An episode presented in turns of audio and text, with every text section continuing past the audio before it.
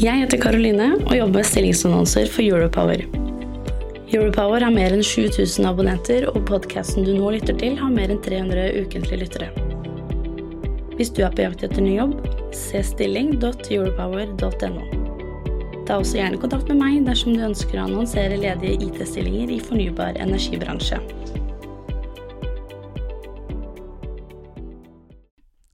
Du lytter til Teknologioptimistene. Vi er ikke effektive, og da ikke, ikke for å være så veldig selvkritiske eller bransjekritiske, men, men det vi har gjort tidligere som har vært rett tidligere, er ikke godt nok. Vi kan ikke motta informasjon på PDF lenger. Hvor lenge har dere sittet her, da? Du vet hva, her flytta vi inn uten folk i mai 2020.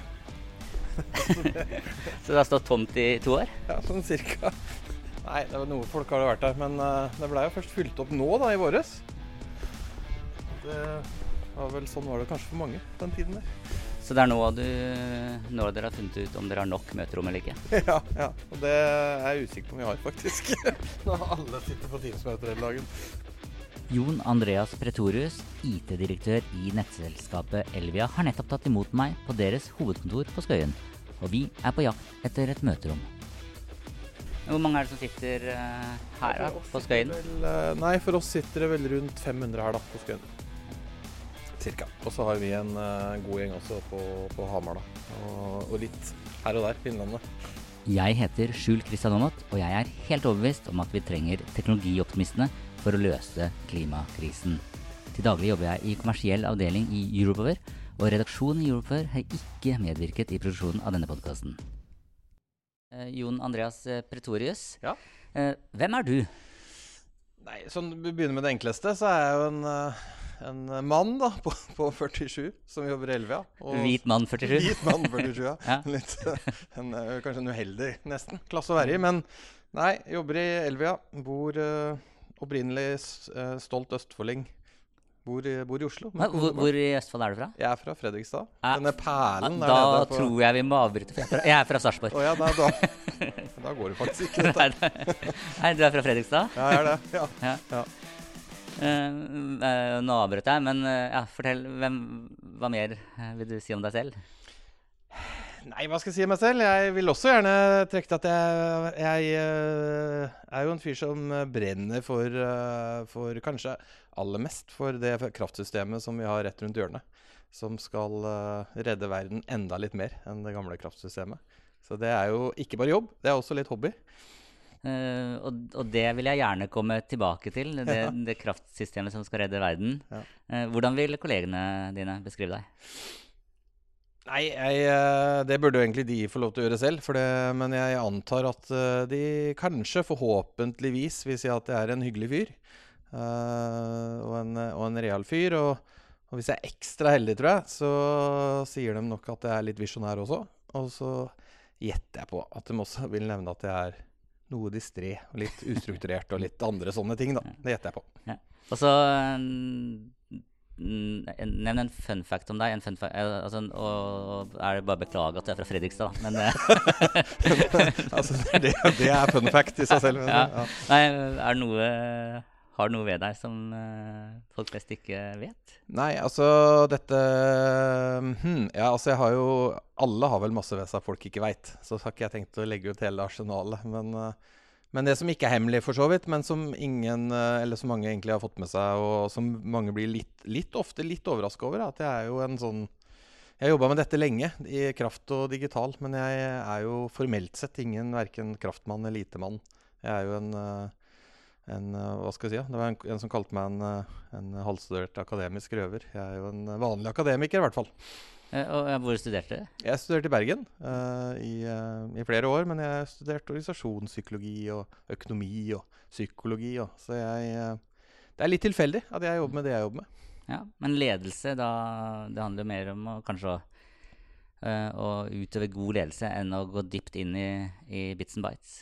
Ja, jeg tror eh, Ja, jeg, jeg opplever ikke at dette har svekka meg i det hele tatt. Eh, og så tror jeg kanskje man til syvende og sist lærer aller mest gjennom arbeidsårene, ikke på, på skole, for så vidt. Men Og da har altså en halvstudert eh, akademisk røver fra Fredrikstad endt opp som IT-direktør i nettselskapet Elvia. Og det vekker jo eh, litt eh, nysgjerrighet hos meg, så jeg spør hva er det du måles på, Jon Andreas? Nei, altså jeg måles nok aller mest primært Eller måles mest på hvordan vi som selskap utvikler oss. Og da ikke bare teknologisk, men vel så mye på forretningsutvikling. Så type diskusjon med din leder uh, Det er veldig sjelden uh, IT-teknisk i seg selv. Eller teknologisk, for den saks skyld. Selv om vi, min sjef, kan mye om det, og vi har mye gode samtaler om det. Og det er mye utrolig mye spennende teknologi som foregår. Men det jeg kanskje måles aller mest på, er hvordan vi eh, Eller som vi diskuterer, og som jeg eh, er med å levere på, er hvordan vi som Elvia skal virke i morgen kontra i dag. Og da og da snakker vi om hvordan, hvordan skal prosessene våre være. Hvordan skal kundene kunne oppleve oss. Eh, hvordan skal vi bygge nett, planlegge nett. Så dette er jo i større og større grad på en måte en, en, en bidragsyter til, til forretningsutviklingen innenfor våre kjerneprosesser da, i nettselskapet. Men så Elvia er jo et av de store eh, nettselskapene. Eh, det er mer enn 100 nettselskaper i, i Norge. Ja. Hvordan vil du beskrive IT-miljøene i nettselskapene? Altså, dere kan jo bygge en stor organisasjon, men hvordan ser landskapet ut eh, der ute, utenfor eh, Oslo? Nei, altså det er jo Nei, altså utenfor Oslo. Det er jo store selskaper eh, mange steder i landet. Um, og det er et, uh, synes jeg også et relativt godt samarbeid i bransjen uh, som blir sterkere og sterkere. Også på IT og teknologiutvikling. Men jeg tror det viktigste kanskje Dette er veldig differensiert. Uh, og henger kanskje veldig sammen med, uh, med litt størrelse på selskapet òg. For det handler litt kanskje om eh, rekrutteringsevne og det handler om penger, og det handler om stordrift og en del andre faktorer. Da. Så eh, det blir sterkere og sterkere IT-miljøer i denne bransjen, eh, men kanskje for de store. Eh, og så ser vi at de mindre selskapene i mye større grad er leverandøravhengige. Eh, hvor modne er nettselskapene når det gjelder digitalisering? Altså, mitt inntrykk er at energi eller kraft er litt sånn litt konservativt. Uh, liker å holde seg godt fast. ja. Altså jeg tror vi, vi som bransje har en veldig lang vei å gå. Uh, og så tror jeg ikke vi skal være for kritiske til, uh, til uh, hvor vi er i dag.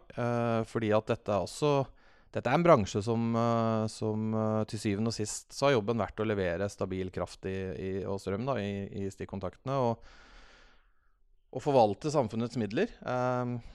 Så jeg, jeg tenker at fram til uh, i dag så er det vel det man har gjort. Og man har vært forvaltningsorientert og prøvd å optimalisere så langt man kan lar seg gjøre. er en beredskapsorganisasjon. ikke sant? Er en, handler om en leveringssikkerhet. Og så tror jeg også vi må innse at vi er i et taktskifte nå. Fordi at framtidens kraftsystem uh, kommer til å kreve en helt annen grad av digital evne.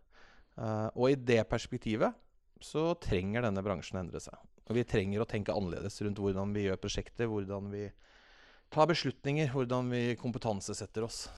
Men hvordan tar man egentlig beslutninger i Elvia? Eh, en stor IT-beslutning i Elvia. Hvem er med og, og, og tar denne beslutningen? Nei, altså det er jo i, i Elvia så er det i stor grad uh, Det er jo to instanser som godkjenner sånne ting. Uh, og det er jo ledergruppa i selskapet, som, uh, hvor også de divisjon, divisjonsdirektørene, altså forretningsenhetene, er med og, og tar de beslutningene i fellesskap. Eh, og så er det et styre der som selvfølgelig uh, sikrer den formelle tilgangen på, på investering og, og, og de prosessene. Men i stor grad så tas de store beslut- IT-beslutningene av selskapets ledergruppe og det lederkollegiet som sitter der. Er det en utfordring uh, Altså, mange som sitter i ledelsen i nettselskapene generelt, Ja. har jo klatra oppover. Ja. og er vant med å bygge kraftnett, som er noe helt annet enn å, å bygge software eller å utvikle software og produk softwareprodukter. Ja. Er det en utfordring at uh, de som sitter med beslutningene, ikke kommer fra den verden med smidig utvikling, uh, men, men tenker mer prosjekt som uh, et byggeprosjekt? Det er, er ja, der har jeg lyst til å svare ja, da.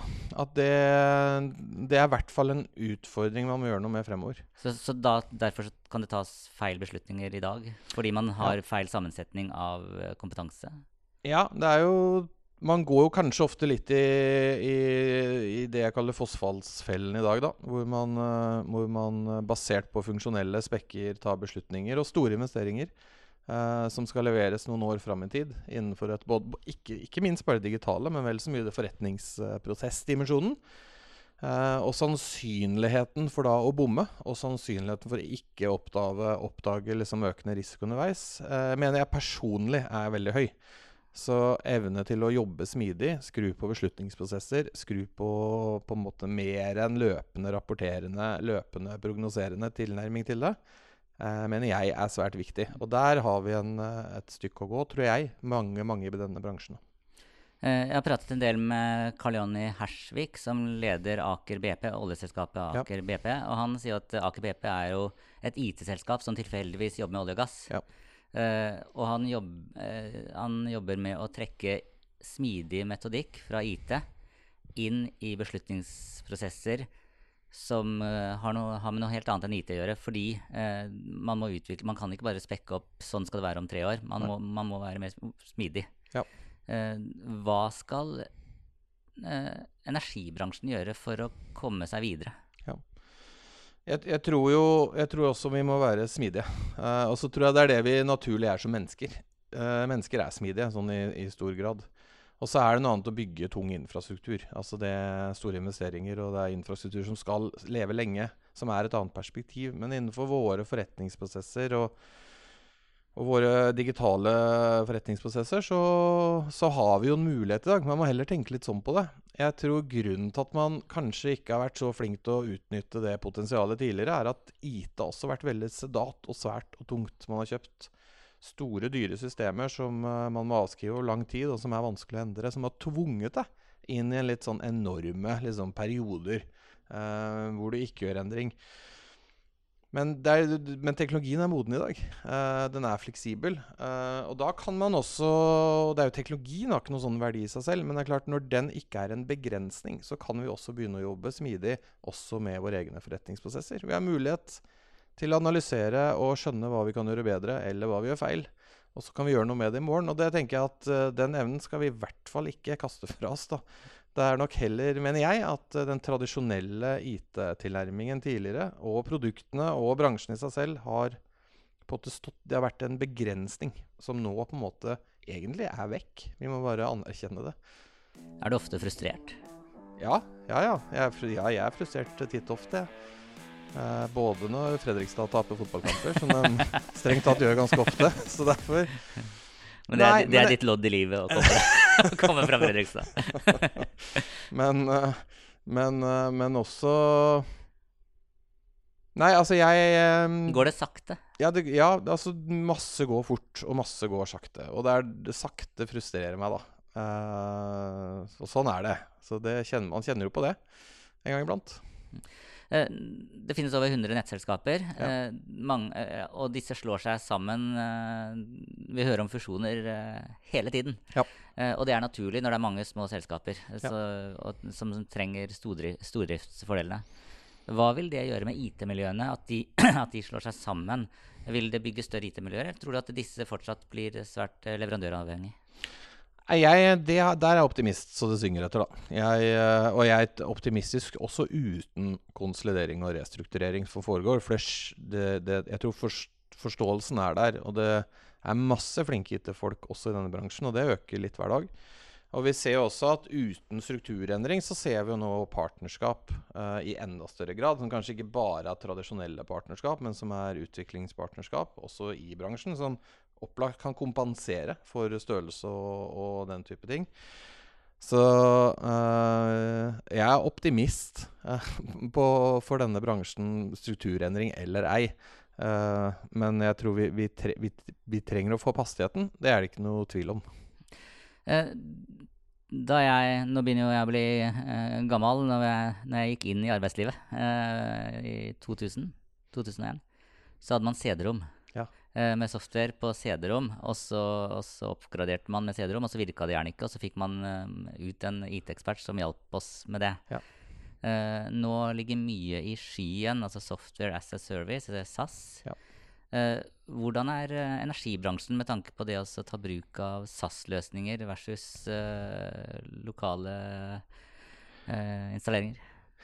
Eh, nei, det er man i gang med å gjøre, men I eh, gang med, så Nei, jeg har lyst til å så- skylde Nå ser ikke de som Eller de som lytter, ser ikke smilet ditt, men du, du trakk litt på det. Ja, ja, altså, ja.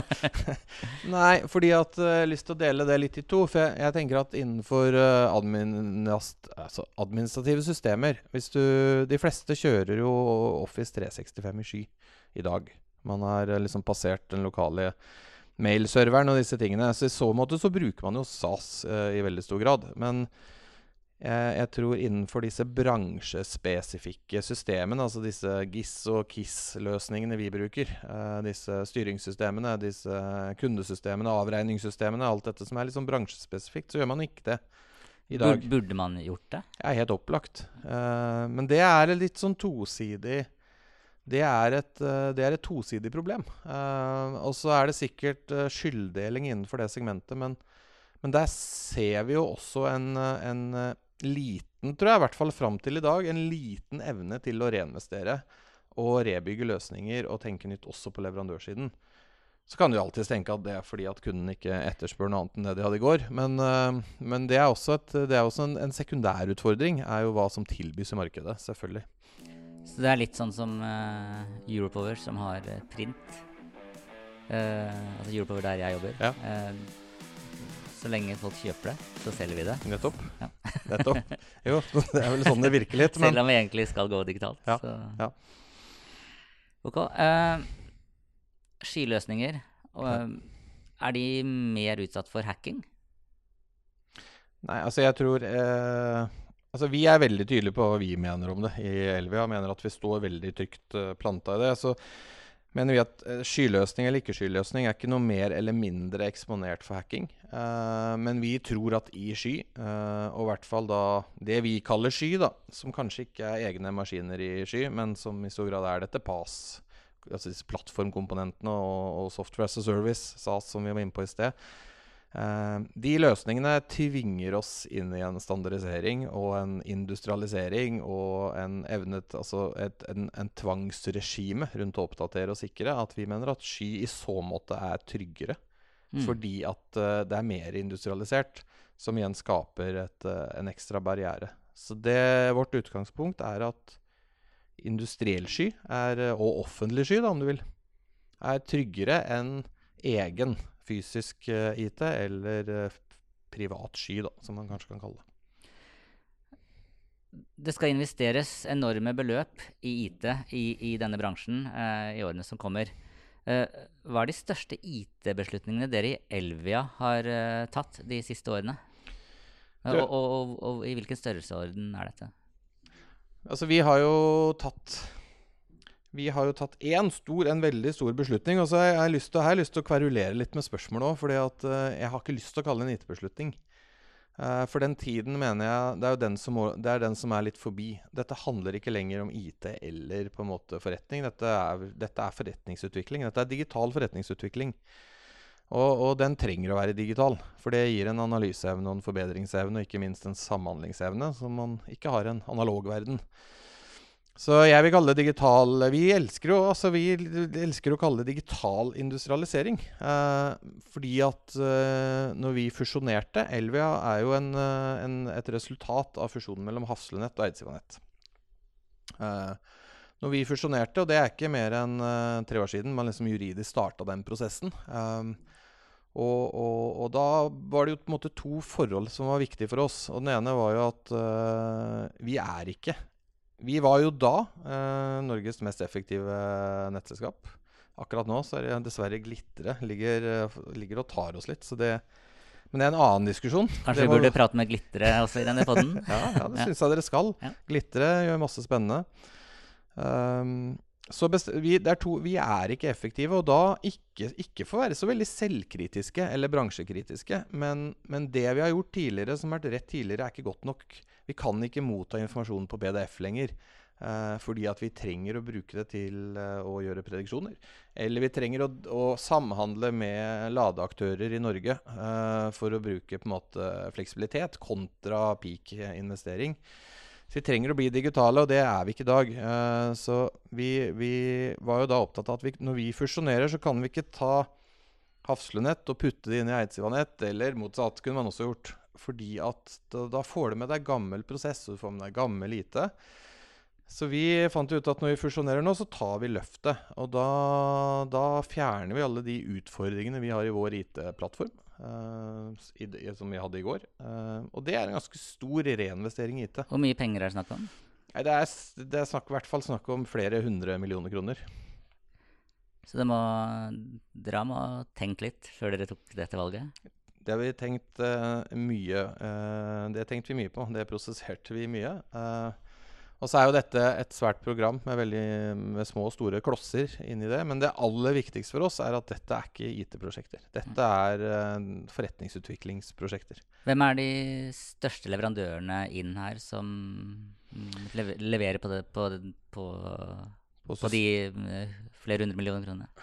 Altså, vi har to, uh, vi har to leverandørsegmenter.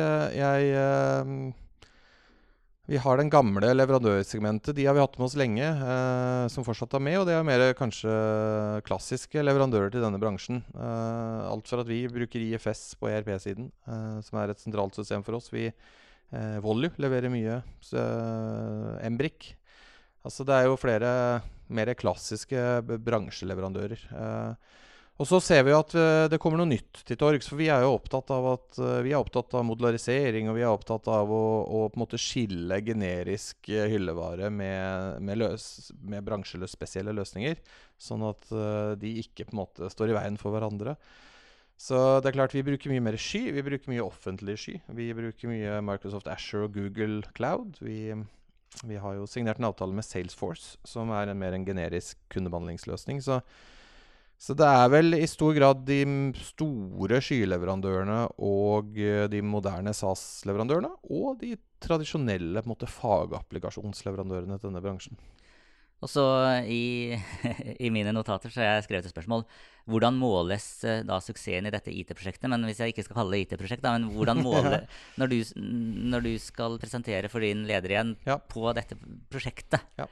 Eh, hva, hva, skal til for at eh, det får stempelet vellykka? Ja.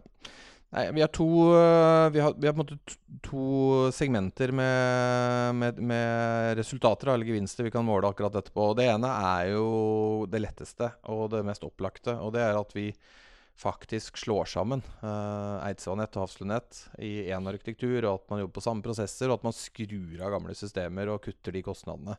Det er på en måte den konsolideringseffekten. Uh, det er den enkle.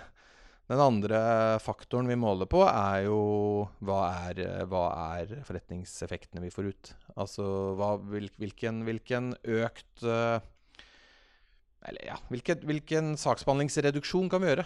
Ledetiden på kundebehandling, selvbetjeningsgraden for kundene våre. Alle disse mer rene forretningsmålene. Så det er de to segmentene vi bruker til å måle dette uh, programmet. da. Men hva er vanskeligst, mennesker eller teknologi? Å slå sammen to ulike kulturer, eller å løfte fram et helt nytt IT-system? Eh, nei, altså nå vi jo, ser vi jo dette under ett, men, men, det er ikke noe tvil om at uh, tek, den teknologiske delen av dette her er det letteste. Det er hevet over enhver tvil. Og så er det kanskje ekstra komplekst, uh, men det er også kjempespennende, for det er her egentlig liksom gevinstpotensialet ligger. da. Én ting er å slå sammen to selskap. Det jo, det, er, det vil alltid være to kulturer, så det er jo det tror jeg liksom ligger i er, Der er det noe. Der er det noe å jobbe med, og der blir man alltid overraska og, og, og, sånne ting. Men, men, ikke nok med at man skal gjøre det, men man skal jo også utvikle.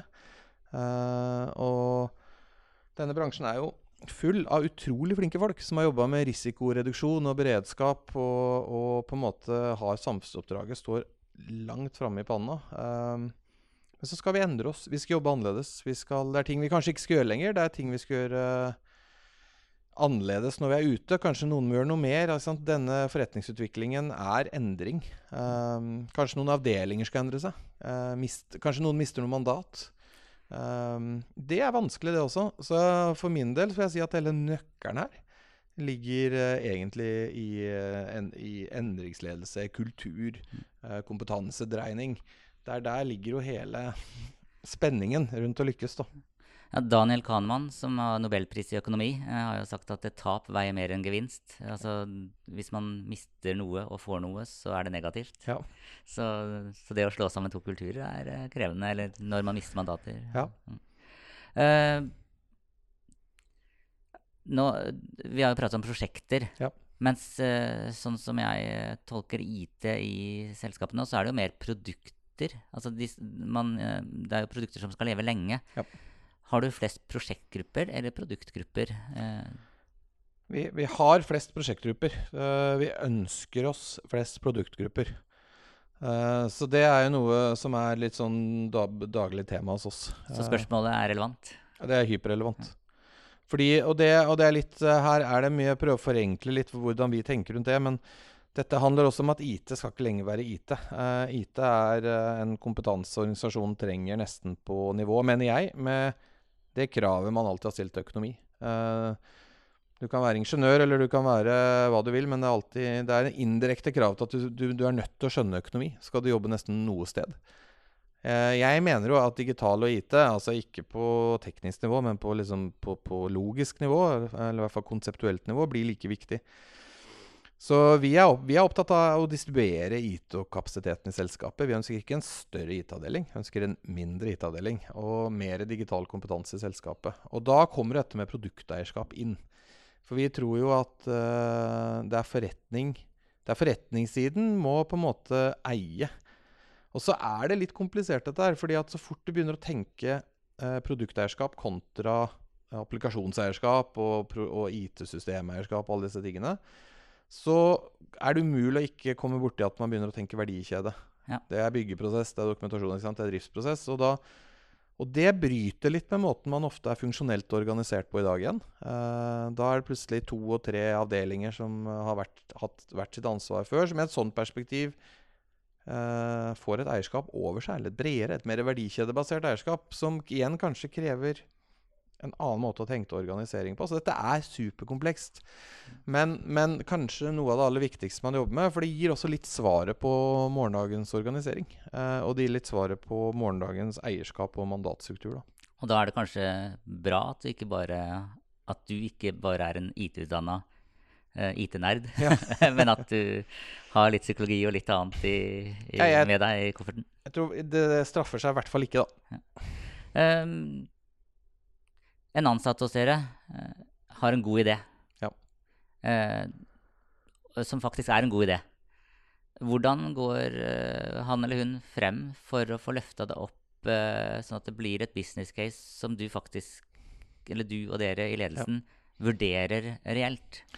Ja, Altså, i Elvia så har vi, syns jeg vi har en eh, Det har vi en god kultur for. Vi er kanskje ikke så veldig strukturerte eh, på akkurat hvordan vi gjør den fangsten. For det, det kan komme via et, eh, en prosjektgruppe. Det kan komme i direkte dialog. Det kan komme som et forslag i en uh, innboks. Det kan komme som via, via linjeleder, hvor som helst, egentlig. Eh, og jeg syns jo vi har jo det er jo sånn vi ønsker Vi har jo på en måte en arkitektur som, er, som har en viss grad av fleksibilitet. Så vi er i stand til å gjøre piloter. Vi er i stand til å løse mindre løsninger sammen med, med de som har ideen. Så det er en litt sånn evne vi er veldig opptatt av å ha, som også handler litt om å kunne teste og pilotere. Uh, så kanskje vi skulle strukturert litt mer. Men, uh, men jeg opplever at det er, liksom, det er historisk sett glidd godt hos oss de senere årene. Så har vi litt problem akkurat nå. Er det noe av det jeg har aller dårligst samvittighet for? Fordi eh, vi, vi er jo på en måte i sluttfasen etter store programmet, som reelt sett skal konsolidere disse selskapene og skape dette, eh, skape dette Elvia-selskapet på ordentlig. Så nå har vi prioriteringsutfordring. Så nå, akkurat nå sier vi jo nei, eller parkerer masse av de små initiativene. Så det plages jeg ved, da. For det stopper på en måte den viktigste verdien i selskapet, egentlig. eh, som er ideene fra de som sitter i de daglige prosessene hver eneste dag. Um, IT-leverandørene. Én ting er når dere kommer ut med en uh, kravspekk og en anbudsrunde, og man skal svare på den, og da går det på kvalitet, tid, pris osv. Ja. Men når IT-leverandørene har en god idé eller, altså, til et prosjekt som kan uh, bidra til forbedring i Elvia, eller et produkt, Ja. Hvordan skal de gå frem for å bli tatt seriøst og bli tatt inn i beslutningsrommet? Nei, altså, det blir det jo. Uh, hvis de uh, altså, Hvordan foregår et typisk innsalg til dere?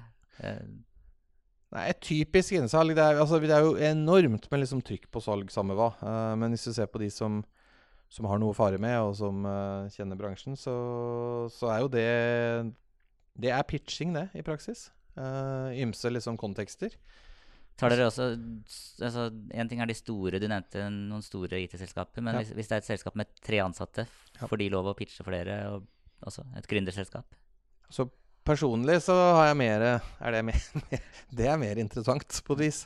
Og så er det ikke noe feil med de store i så måte også, men, eh, men, men er, eh, her er det et superviktig poeng for denne bransjen. Eh, fordi at vi er alle så Historisk sett så er vi alle så spesielle.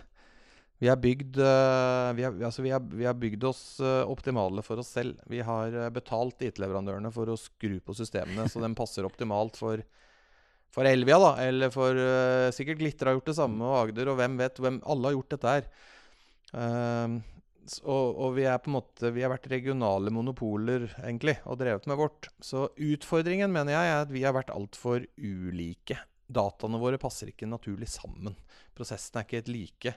Uh, og det skal de ikke være, men, men vi passer ikke helt sammen. Mm. Og det betyr også at eh, hvis du eh, har en god idé og skal starte eller selge en, en lite produkt da, til denne bransjen, du har en kjempealgoritme f.eks., så passer den jo ikke Du kan ikke lage én liten løsning som passer eh, alle de 100 selskapene i Norge. Du må lage 100 produkter, og det går ikke. Um, men den begrensningen er også den begrensningen som gjør at uh, vi ikke virker så godt sammen i et nasjonalt perspektiv for å på en måte løse alt det som vi vet kommer. Bruk av fleksibilitet. Eh, gi på en måte næringsutbygging, infrastrukturutbyggere tilgang på all data om bransjen. Eh, og der, tror jeg vi har, der har vi skutt oss litt i foten som bransje. At vi har eh, skapt en suboptimalitet ved å konkurrere som også stenger litt gründere. eh, gjør det vanskelig og dyrt å komme inn. Eh, og det, det, det, det, det må vi gjøre noe med som bransje, og det må vi gjøre noe med nå. Jeg, jeg, nevnte litt tidligere her eh, Karl Jonny Hersvik, eller Kalle som han liker å, okay, ja. å bli kalt. Uh, leder i oljeselskapet Aker BP. Eh, han eh, går jo rundt i en T-skjorte der står 'Data Liberation Front'. Eller noe, Ja, altså, ja. der, der han jobber, han en, I oljebransjen så er han en frontfigur for å dele data. Ja. Og, og for å, å harmonisere IT-systemer, sånn at de kan snakke sammen. Ja. Trenger kraftbransjen en sånn eh, litt rocka frontfigur? akkurat det the data liberation movementen eh, trenger denne bransjen. Det er, altså, det er det ikke noe tvil om. Eh, og Vi må også huske på at vi sitter, og, vi sitter, ikke, vi sitter ikke og forvalter egne data. Vi forvalter samfunnets og innbyggerne i Norge og næringslivet i Norge sine data. Eh, så svaret på det er liksom det opplagte ja. Eh, innledningsvis så sa du at du brant for, og nå husker jeg ikke helt ordlyden, men det, det handla noe om å redde verden, eller eh, ja. Hvem gjør ikke det? på en måte? eh, eh, Hva mente du med det? Nei, det jeg mener med det er jo at, eh, at det, det, det norske kraftsystemet i hvert fall er jo en gavepakke. I hvert fall hvis du ser på, på en måte, det, det grønne fotavtrykket av produksjonen vår. Eh, og ikke minst uh, tror jeg også, hvis man ser nå i europeisk kontekst, av geopolitiske tragedier, egentlig. Uh, og hva som skjer med energimarkedet i Europa. Og, og kanskje heldigvis da, at man i hvert fall ser at dette er jo en slags man går ikke videre mot fossilt, men det blir en slags forgrønning på steroider. Er jo, så er jo det en, en, en, en uheldig Eller en heldig effekt av en svært dyrt, tragisk årsak, selvfølgelig. Eh, og, og dette på en måte med elektrifiseringen, eller dekarbonisering, er å redde verden i mitt hode. Uh, og det norske kraftsystemet Vi har jo et fantastisk kraftsystem. Vi har jo bygd kraft vi, for, uh, for å dekke et snittforbruk på over 20 000 kWt per husholdning pga. elektrisk varme. Vi har et robust nett. Uh, vi kan flytte mye kraft. Vi kan tilrettelegge for mye lading. Vi kan tilrettelegge for mye. Og så vet vi det at kraftnettet er veldig bra, men det er ikke bra nok til at vi kan uh, levere liksom full maks peak-effekt til alle akkurat når de ønsker det i, en, i et framtidig uh, system. Uh, og da må man investere, og det Det er, det er kostbart å bygge liksom bredt nett. Det er jo ingen som gjør det. IT handler jo Det er det sky handler om. Mm. Er jo skalerende piker. Spleise på kapasitet. ikke sant? Skaleringsevne, rett og slett. Og det skal ikke jeg svare på, men det er klart at det handler om fleksibilitet. Og, og, og fuelen for å lykkes med fleksibilitet. Ikke bare mellom oss som bransjeaktører, men sikkert masse andre aktører og nye aggregatorer, kunder, næringsliv. De som kan trinne, de som kommer med nye løsninger. Vi snakker om sanntid, vi snakker om aktiv styring av et kraftnett som ikke lenger er geografisk, men som er et nasjonalt kraftnett. Og da er det data som er fuelen i det. Evne til å flytte data, evne til å tilgjengeliggjøre data i kvalitet. Uh, og svaret på det er jo noe standardisering og en del viktig arbeid. Uh, men, men, det opplagte også er jo akkurat det vi gjør nå, og som jeg tror mange andre selskaper gjør nå, er å digitalt industrialisere seg. For da skaper du den informasjonen. Du modellerer den godt nok, du får kvalitet nok. Både til å kapitalisere på den selv innenfor sitt område, men til å være en del av dette økosystemet. Da. Monopoltiden er over, sant? selv om vi vil være regulerte monopoler. Så mener jeg at monopoltiden er nå over. Vi, er, vi må inn i økosystemmodus. Da. Skulle ikke tro du hadde studert alt annet. Du burde jo fått deg en jobb i IT. Ja, ja, jeg skal tenke, jeg skal vurdere, vurdere det. Jeg merker i hvert fall at det brenner for deg. Ja, ja. Nei, eh, fra spøk til alvor. Hvorfor bør IT-folk søke seg mot din bransje? Eh, det er veldig lett, altså. Fordi eh, først og fremst så er det jo her man eh, eh redder verden. Det gjør man nok en del andre bransjer òg, så, så det vil vi i hvert fall være med å konkurrere om. Uh, og så er det jo her det skjer. Fordi uh, dette må vi også huske på at uh, kraftbransjen er en, det er en utrolig Jeg ønsker ikke å tegne bildet av det som en gammeldags sedatverden heller. For det er en fantastisk mye flinke folk. det er selskaper med god kultur. Det er gode arbeidsplasser. Det er, det er noe grunnstabilitet. Er det en attraktiv bransje for, for de beste IT-folka nå? Vi ser at det er det nå. Fordi at uh, det er jo denne bølgen av digitalisering som nå skjer, og må skje, og skal skje i bransjen. Og det er også en bransje som har evnen og viljen, og også kapitalen, til å gjøre investeringene. Til å jobbe med den nye teknologien, til å jobbe med modulært, uh, gå i sky, hente nye effekter. Uh, det handler om det grønne skiftet. og det handler også om at vi eies av samfunnet. Så selv overskuddet vårt går tilbake til samfunnet. Et spørsmål som jeg har tenkt å stille til alle eh, gjestene våre. Ja. Eh, min første datamaskin var en Amiga 500. Hva var din? Det, du var en av de jeg var veldig misunnelig på. For min var jo en Commandore 64, som jeg da opplevde som hakket dårligere. Eh, med kassettspiller? Med kassettspiller, ja. Press play on tape? Press play on tape, ja. Og pil L. Ja. Helt til slutt, i neste podkast-episode så treffer vi Thomas Pettersen, eh, CEO i Embrick. Ja. Har du et spørsmål du vil at jeg skal stille til han? Nei, jeg kunne godt tenke meg at du utfordrer den litt. Uh, ikke, skal ikke jeg Ikke Embrik uh, kanskje spesielt, de også, men egentlig leverandør, det norske IT-leverandørproduktmarkedet. Eller leverandørene til dette bransjen, denne bransjen. Det er hva som skal til for at, uh, for at de på en måte gjør greenfield-investeringer. At de eh, begynner å bygge løsningene de leverer til bransjen etter en helt annen grad av fleksibilitet enn i dag. Hvor man bygger, bygger liksom cloud native, som vi liker å kalle det. Bygger modulært. Uh, sikrer at løsningene blir skikkelig fleksible. Også sånn at de kan virke inn i en helhetlig arkitektur, uh, og ikke bare være monolitter. Det trenger leverandørbransjen å utfordres litt på. Så hvis vi tar ikke, ikke Emrik spesielt, men leverandørbransjen, da vil dere kjøpe? Da, da kjøper vi, ja. Vi vi investerer masse i teknologi vi, for å på en måte bli bedre på det vi gjør. Og det kommer vi til å fortsette med også. Men uh, vi trenger de gode leverandørene. Og de gode leverandørene for oss fremover, de uh, er åpne og fleksible og jobber med ny teknologi. Og ikke minst uh, er i større grad villige til å være mer partnere enn leverandører. Det tror jeg er kjempeviktig.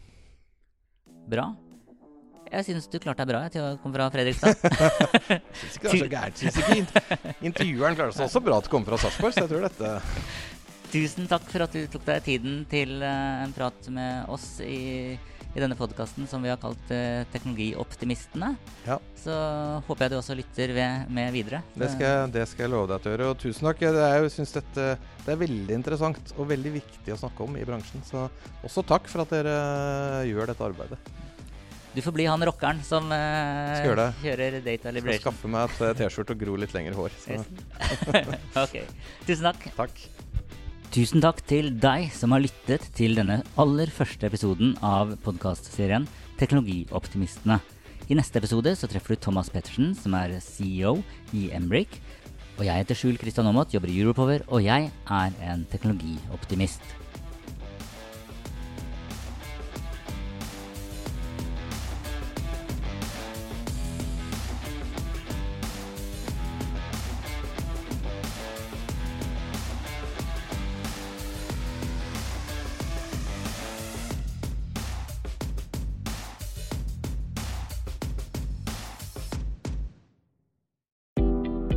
Jeg heter Karoline og jobber med stillingsannonser for Europower. Europower har mer enn 7000 abonnenter, og podkasten du nå lytter til, har mer enn 300 ukentlige lyttere. Hvis du er på jakt etter ny jobb, se stilling.europower.no. Ta også gjerne kontakt med meg dersom du ønsker å annonsere ledige IT-stillinger i fornybar energibransje.